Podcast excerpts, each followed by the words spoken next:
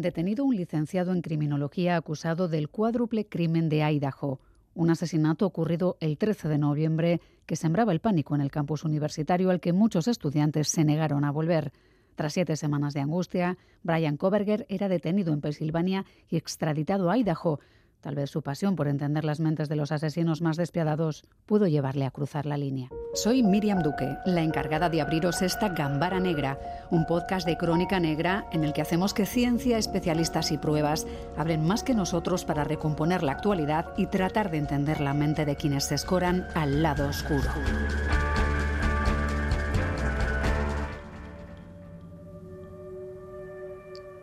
Sin motivo aparente, el 13 del pasado noviembre, cuatro estudiantes veinteañeros, tres chicas y un chico, fueron apuñalados mientras dormían en la casa alquilada que compartían en la localidad estadounidense de Moscú, cerca de su campus. Según las autopsias, cada estudiante recibió varias puñaladas y algunos mostraban señales de haber tratado de luchar contra su atacante. No hubo agresión sexual.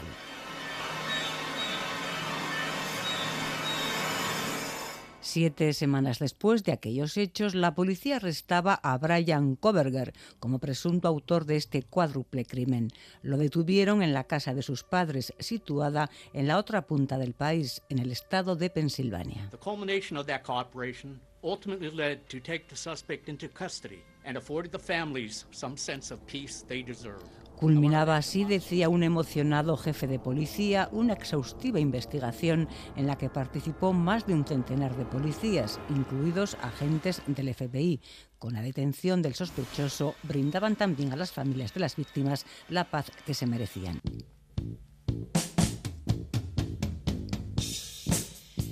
Varias circunstancias han sido determinantes para identificar al presunto asesino, entre ellas que los investigadores hicieron coincidir el ADN recuperado de la funda de un cuchillo encontrada en la casa con el ADN extraído de la basura en la residencia de la familia Koberger. Además, en unas imágenes de vídeo se veía un coche blanco pasando por el lugar tres veces la noche de la matanza antes de que el conductor pudiera aparcar el mismo coche que 15 minutos después de la hora aproximada de los hechos partía a toda velocidad y cuyo modelo era similar al que tenía registrado Brian Koberger.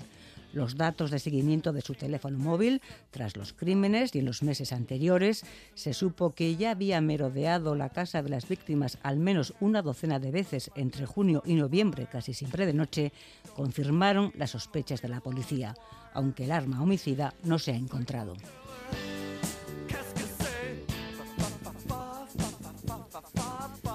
De 28 años, Brian Koberger es, por sorprendente que parezca, un doctorando en criminología.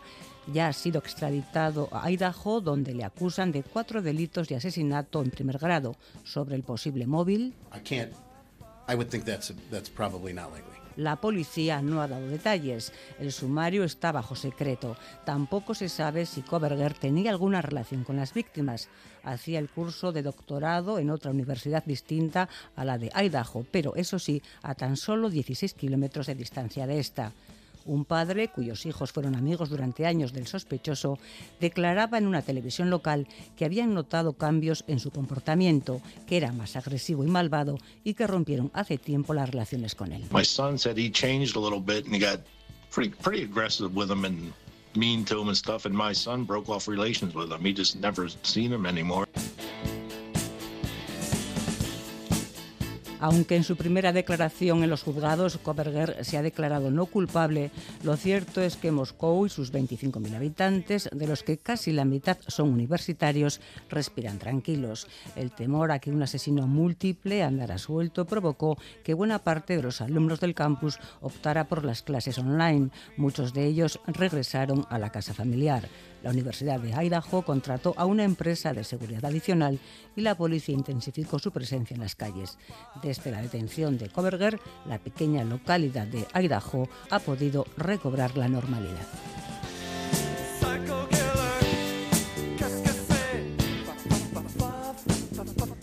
Brian Koberger estudiaba un doctorado en criminología cuando se produjeron los asesinatos de la ciudad de Moscú en Idaho. ¿Puede alguien perder la cabeza o idealizar lo que empieza siendo un objeto de estudio? Pues esta será una de las cuestiones de las que charlemos con nuestro invitado de hoy.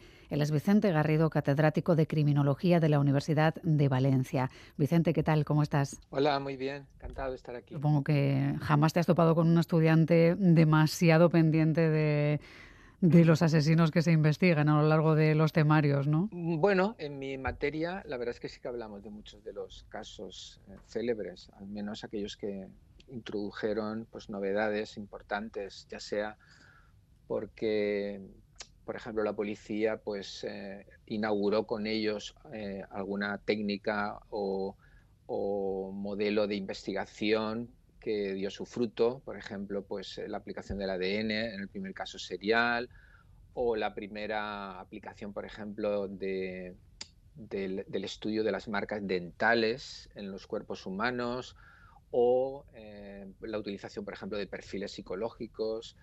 Claro, hay muchas oportunidades para hablar de algunos asesinos porque, ya te digo, fueron en aquellos momentos los investigadores fueron pioneros en aplicar determinadas cosas. Y aun cuando pueda parecer raro, esto que acabas de comentar tú del, en el caso de la Universidad de Dajó del de, asesino esto doctorando, eh, no es el único. Por ejemplo, uno de los grandes asesinos en serie del siglo XX, Dennis Rader, que se apodaba BTK, la B por tu bite, que es atar, la T torture, torturar, y la, y la K por tu kill, matar, este era, este era criminólogo, este tenía un grado de administración de justicia, que es una especialidad de la criminología. Vaya, así que uno puede acabar por desdibujar la línea que separa el bien y el mal, por lo que vemos. Claro, de la misma manera que hay médicos, tú sabes que hay médicos asesinos y mm. enfermeras, ¿no? Acuérdate de algunos casos célebres que hemos tenido en España, no muchos, ¿no? Pero el caso del celador de Olot, ¿te suena? En Olot. Sí, sí, sí. Gerona, un, celador que mató, que estaba en una residencia geriátrica que mató a 11 ancianas. Eh, fíjate que, sal, que son profesiones muy sensibles a las necesidades humanas, porque están precisamente estas personas en situación de dependencia y es donde se hace mucho más grave o si, o si quieres más tremendo el acto de matar y sin embargo los hay. No hay ninguna profesión esta es la conclusión. No hay ninguna profesión o, dedicación que impida que una persona sea un asesino. Sí, es verdad, Vicente, que tú además siendo un experto en perfilar criminales, aunque no tenemos demasiados datos todavía sobre eh, lo que ha pasado con Brian Koberger, no sé si tal vez él empezó a estudiar criminología porque sospechaba que algo no iba bien en su interior o puede que fuera una de las variables. Le gusta el tema del crimen, se siente fascinado de la misma manera que, que hay muchos asesinos múltiples, es decir, que matan a mucha gente en un solo acto que son muy aficionados a las armas. Eh, lo que ocurre es que, bueno, que hay que ser inteligente, hay que estudiar para graduarte y luego eh, estar en un programa de doctorado y no todo, no todo el mundo tiene esa capacidad o esa voluntad. Es más, me estoy acordando ahora de uno de los grandes asesinos en serie que quizá tus oyentes conocerán porque ha habido muchas adaptaciones al cine. Ted Bundy, ¿te suena Ted Bundy? El asesino, el asesino encantador de los años 70. Ted Bundy eh, era graduado en psicología y Ted Bundy prestó, estoy recordando ahora, que claro, son muchos asesinos y no todas las ideas me vienen a la vez, pero él prestó atención en un servicio telefónico de emergencia psicológica, es decir, gente que tenía problemas de ánimo suicida, gente que estaba muy mal. Imagínate un asesino en serie Dando consejos. Aconsejando, aconsejando, sí. Esto es eh, una de las partes de las que hoy queríamos charlar contigo, pero eh, claro, también nos preocupa o, queremos profundizar en el interés eh, que existe en el mundo del crimen y de los criminales. no sé si en cierta medida podemos decir que está asociado a nuestro ADN evolutivo, si es cuestión de supervivencia, si queremos detectar indicios criminales a tiempo en quienes nos rodean para evitar el peligro. Pues sí, esto es una pregunta que se hace con frecuencia, ¿verdad? Yo, eh, si me permites, hace un año escribí un libro que se llama True Crime, la fascinación del mal, donde intentaba explicar de manera sencilla qué es lo que pasa con esto, ¿verdad? Porque claro, yo estoy en una especie de, entiéndeme, en un sentido coloquial y amistoso, de campaña contra estos que dicen, no, es que tú eres muy morboso y a todos nos gusta el morbo. Yo creo que esto es un error y es una, es una cosa que nace de la ignorancia dos cosas muy sencillas. La primera es, el ser humano está programado desde hace un millón de años, desde que empezamos con la línea de los homínimos hasta que acabamos con el, con el género Homo, ¿verdad? Estamos programados para prestar atención a todo aquello que pueda suponer una amenaza contra nuestra vida, contra nuestra integridad. Es así, porque llevamos mm. la cultura la cultura en nuestra historia es un parpadeo. Son 10.000 años desde que tenemos agricultura, pero es que antes tenemos un millón de años, donde dependía nuestra supervivencia de que prestáramos atención a gente, a otros eh, homínidos o, especies, eh, digamos, previas a la humana, como por ejemplo los nardentales, que podían atacarnos, arrebatarnos la comida, el territorio, etcétera. Y por no hablar de los animales salvajes, por no hablar de las de, los reptiles, de las arañas, de todo tipo de insectos, etcétera. Entonces, la pregunta, ¿por qué a la mayoría de nosotros nos dan miedo las serpientes? Si igual no hemos visto una serpiente en nuestra vida, es porque durante un millón de años las serpientes eran muy importantes para nuestra supervivencia y aprendimos a huir de las serpientes. ¿Qué es lo que ocurre? ¿Por qué no huimos de los coches? Porque tan solo hace 100 años que tenemos coches. No, hmm. no, han, no han impactado sobre nuestro código evolutivo, ¿sabes? Pero, pero pon una buena araña a alguien. lo más normal es que se lleve un buen susto, porque durante millones, cientos de miles de años, las arañas han sido grandes enemigos de nuestra supervivencia. Entonces, ¿qué ocurre? Para resumir, un caso criminal es un caso que necesariamente necesariamente nos puede producir miedo y hay gente que prefiere no mirar por el miedo, pero a todos nos interesa. Si matan a la vecina de al lado, ¿cómo no te va a interesar? Te tiene que interesar porque puede que esa persona sea la primera y tú vayas y tú seas la siguiente. Si han secuestrado a un niño en el colegio donde va tu hijo, ¿cómo no te vas a interesar? Claro que sí, porque tu hijo está en peligro. Entonces, el relato del crimen es el relato de lo que es el mal en la sociedad moderna que más nos puede afectar. Y por eso estamos naturalmente orientados a prestar atención. ¿A qué le llamo yo, resumiendo, morboso? A la exhibición innecesaria del resultado del crimen. Al que necesita ver la sangre, las vísceras, toda esta parte, vamos a llamarle gore. Tú sí que puedes llamar a esa persona morbosa, pero no por si te interesas por los crímenes que se han producido, ¿verdad? Y por eso todo el mundo, todo el mundo que trabaja en la televisión y en los productos audiovisuales lo sabe. En caso de duda, mete un crimen.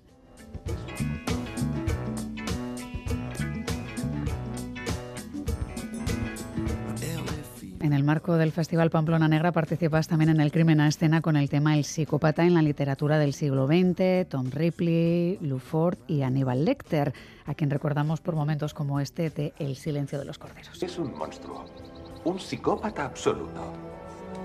Es muy difícil capturar a uno vivo. Quid pro quo, yo le digo cosas y usted me dice cosas. Su problema es que necesita disfrutar más la vida. Le presento al doctor Aníbal Lecter. Gracias, Clarice. Gracias.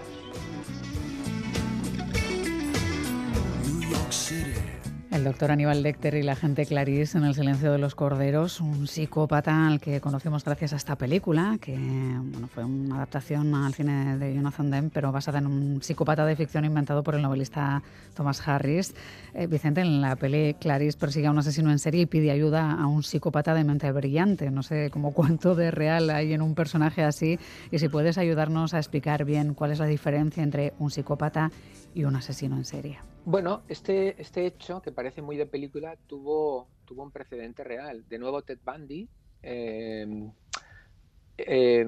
ya en el, en el, periodo final de su estancia en prisión, cuando ya estaba prevista su ejecución, él se ofreció al FBI para asesorarle en la captura de otro asesino en serie que en aquellos años estaba, estaba causando muchos estragos, ¿verdad? que se llamaba el asesino del río, del río Verde, se llamaba Gary Leon Ridway, que mató también a 50 mujeres, mató a más que, las que mató Bundy. O sea que eso en realidad ocurrió. Ted Bundy habló con el FBI y les dijo, vengan, que yo les voy a ayudar a capturar al asesino del Río Verde. Finalmente no lo capturaron, eh, pero sí que es verdad que retrospectivamente, una vez que se pudo capturar 15 años después por el ADN, sí que es verdad que Bundy había dado unas pistas interesantes al respecto. O sea que esto que parece muy peliculero, tiene un precedente bien real. Y luego la diferencia entre la diferencia entre un psicópata y un asesino en serie es muy fácil. Mira, la psicopatía es, por así decirlo, una condición de la personalidad que hace que el individuo tenga em, una incapacidad manifiesta para vincularse de manera significativa y real con la gente. Y por eso le hace eh, una persona eh, con una gran tendencia o con una gran capacidad para explotar al otro, porque claro, tú realmente no te implicas en lo que es una relación emocional, no te ni empatía ni remordimiento, digamos, ¿no?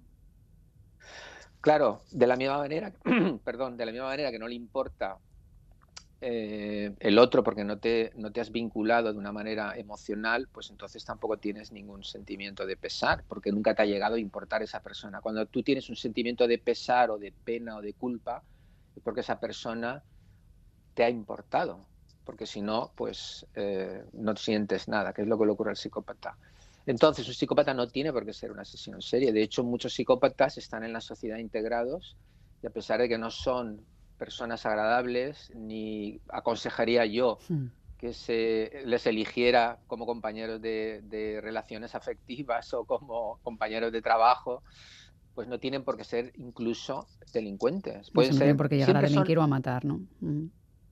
Siempre son amorales, pero no tienen por qué ser delincuentes. Entonces, un asesino en serie es generalmente, pero no siempre, un psicópata que comete tres o más homicidios en momentos temporales distintos. Digo generalmente porque hay asesinos en serie, por ejemplo, que son psicóticos, es decir, que tienen una grave enfermedad mental, por ejemplo, una esquizofrenia paranoide, que es muy habitual, es decir, gente que si son capturados, pues se les considera enajenados y entonces van a hospitales psiquiátricos. Pero la mayoría es verdad que la mayoría son psicópatas. Volviendo a las comparativas eh, que, nos deja, bueno, pues pensar que los psicópatas son como Aníbal Lecter, una persona culta, brillante, de verbo desatado, refinado. Pero luego la vida nos muestra que probablemente es más fácil que nos topemos con alguien como el chicle, como José Enrique Abuin, a quien por cierto en diciembre se le imponía una tercera condena por violar a su cuñada a punta de cuchillo cuando tenía 17 años.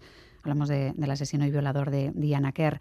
Poco se parece a alguien así a Aníbal Lecter, ¿no? Vicente, esto es lo, que la vida nos suele mostrar más. Pero yo creo que eso se está corrigiendo eh, con una nueva tendencia en los programas True Crimes, en los documentales sobre todo, pero también en la ficción, donde ya el énfasis no se pone tanto en el tipo de asesino o de violador, eh, por no hablar solamente de asesinos, ¿verdad? Eh, aunque generalmente está dentro de este ámbito de delitos homicidas y sexuales.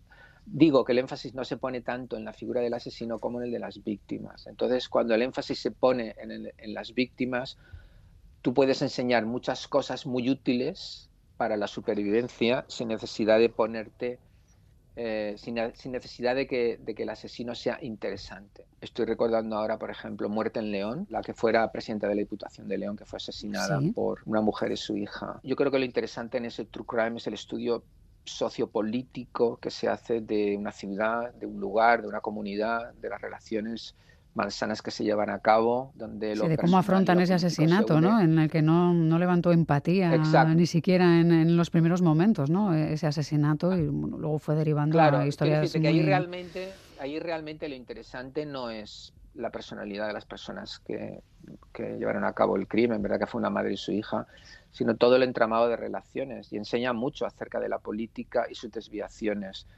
Y puede decirse esto también sobre el caso de, Tony King. El caso de Tony King, Rocío Maninkov, que ha habido varios, eh, ha habido, creo recordar que dos True Crimes al respecto, en dos plataformas diferentes. Tony King no tiene ningún interés, me explico, pero lo interesante es toda la investigación, qué pasó con esta falsa culpable. Entonces, claro, una cosa buena que tiene el moderno True Crime es que se aleja bastante o ha crecido tanto que ya no solo depende de que haya un asesino muy interesante, sino que presta atención a otros aspectos de la realidad del fenómeno criminal, como las víctimas, como la investigación, como el funcionamiento del sistema de justicia, como los familiares y personas afectadas, y eso yo creo que presta un gran, una gran atención social, presta un gran servicio eh, y focaliza mucho la atención de la gente sin necesidad de que sea, de que sea un asesino brillante. Volviendo a asesinos brillantes ya sobre el papel, estos psicópatas de la literatura del siglo XX, hemos mencionado a, Aníbal, pero en tu charla también vas a hablar de Tom Ripley o de Lou Ford. Tom Ripley eh, sería un poco el psicópata más encantador de todos. No sé si recuerdas eh, la novela o al menos la película, la película que hizo Minghella talento de Mr. Ripley con Matt Dillon. Ya tiene muchos años y eres muy joven, pero igual la viste. sí, sí, sí, la vi. De, niña en la tele. Entonces, Tom Ripley, por ejemplo, representa muy bien el psicópata moderno que tiene estudios, que sabe cómo desenvolverse eh, en las, digamos, en los círculos eh, bien, bien vistos de la sociedad, Y, y bueno, ese es un psicópata que, que en el siglo XX no sabía, no sabía, literariamente al menos con mérito, no se había descrito, no se había presentado y, justamente eh, esta novela de Patricia Highsmith crea ese personaje. Lufor es más un psicópata duro, es más un psicópata cruel, es un psicópata auténtico y además eh, muy despiadado. Eh, es un psicópata muy, muy visceral y además policía, ¿verdad? Eh, es, un retrato muy cruel, escrito en el mismo año, en el 55, que el otro, pero es, digamos, la versión más dura del psicópata, que al mismo tiempo se integra en la sociedad, en este caso a través de una, de una actividad que en principio es contraria, ¿verdad?, como es la de policía. Y luego Lecter, ya hay la hipérbole. Lecter es el asesino en serie postmoderno, es el asesino en serie eh, más, es más es más una hipérbole, ¿verdad? Porque verdaderamente, mientras que los otros son, yo diría, muy realistas, Lecter no lo es. Lecter es más, es un gran espectáculo, ¿verdad? Porque yo no creo que haya nadie que sea un gourmet extraordinario, una, mm, un, conocedor de la música, mm. claro, un conocedor de la música fabuloso, que igual puede ser, ¿sabes? Eh, comisario de una exposición en Florencia porque entiende de todo tipo de arte, ¿sabes? Además tiene casi poderes sobrehumanos, yo qué sé, no. Pero, pero como espectáculos eh, es un gran espectáculo, no cabe duda.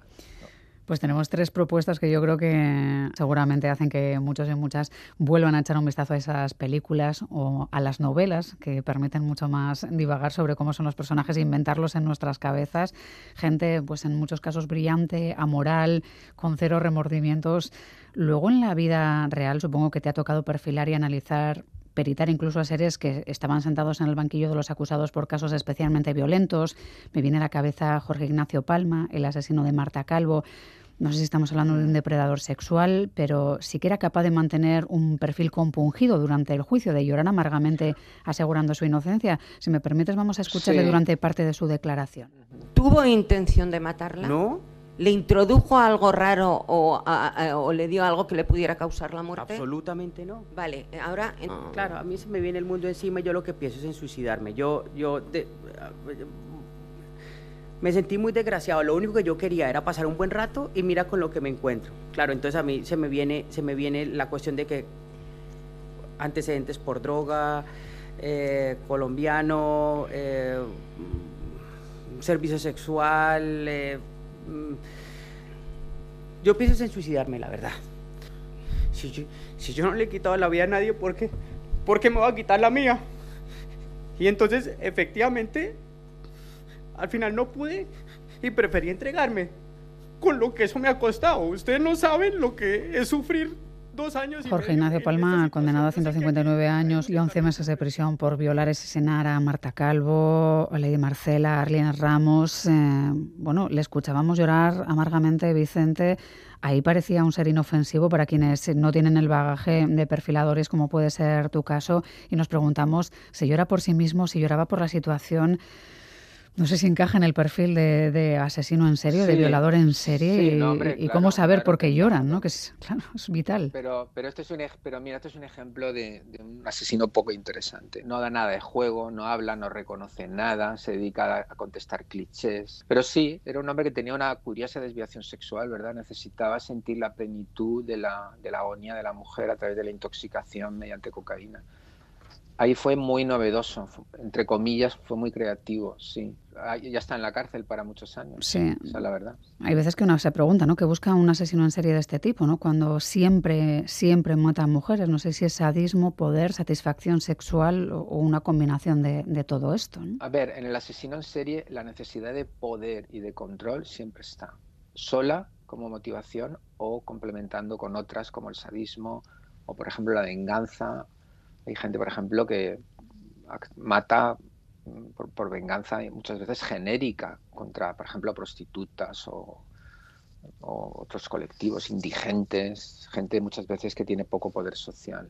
Pero sí, el poder, la, necesidad de plenitud emocional a través del, control de la vida del otro, eso es, eso es el, digamos, el premio, el premio del asesino en serie, ¿verdad? Desde la planificación hasta la ejecución y luego el recuerdo muchas veces mediante fotos o, u objetos, ¿verdad? los llamados trofeos. Sí, es una manera de sentir, porque a, nosotros nos parece atroz y descabellado, pero es cierto que para ellos es una manera de sentir plenitud. Lo que a nosotros nos produce horror, en ellos produce delectación. Es mm. así. Vicente, son muchos años investigando, has escrito muchísimos ensayos y libros como El rastro del asesino, La mente criminal, Cara a cara con el psicópata, True Crime, eh, lo mencionabas hace un momento también. No sé si después de todos estos años crees que existe el mal, que hay personas que per se son malvadas y no hay forma de que cambien. Bueno, lo primero sin duda, claro, ese negar que existe el mal es, no sé, es como negar que, que la luna sale por las noches, solo hay que verlo quizás sea, como dijo, como dijo una vez un colega mío, dijo, es difícil definir el mal, pero cuando aparece todos sabemos lo que es, ¿no? Pues podemos quizá ponernos a discutir lo que es, pero que existe, eso es indudable. Es decir, el acto malvado existe, la persona malvada en un sentido, em, digamos, único, especial, diferenciado del resto de los seres humanos, probablemente no, porque las personas que cometen incluso muchísimos crímenes eh, en ocasiones pues atienden a sus hijos, ¿comprendes? O realizan bien su trabajo.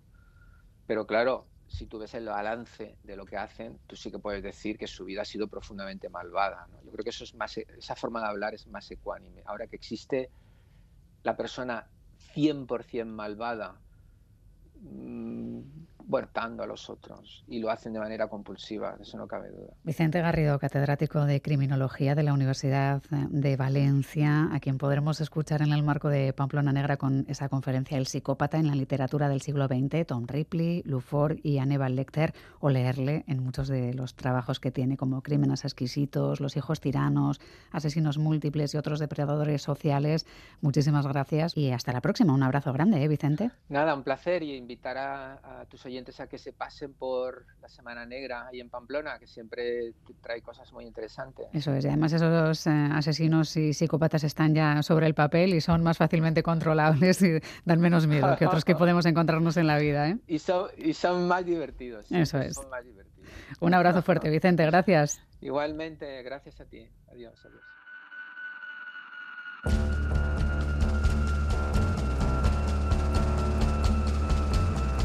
Gambara Negra, el podcast de crónica negra e investigación de EITV Podcast.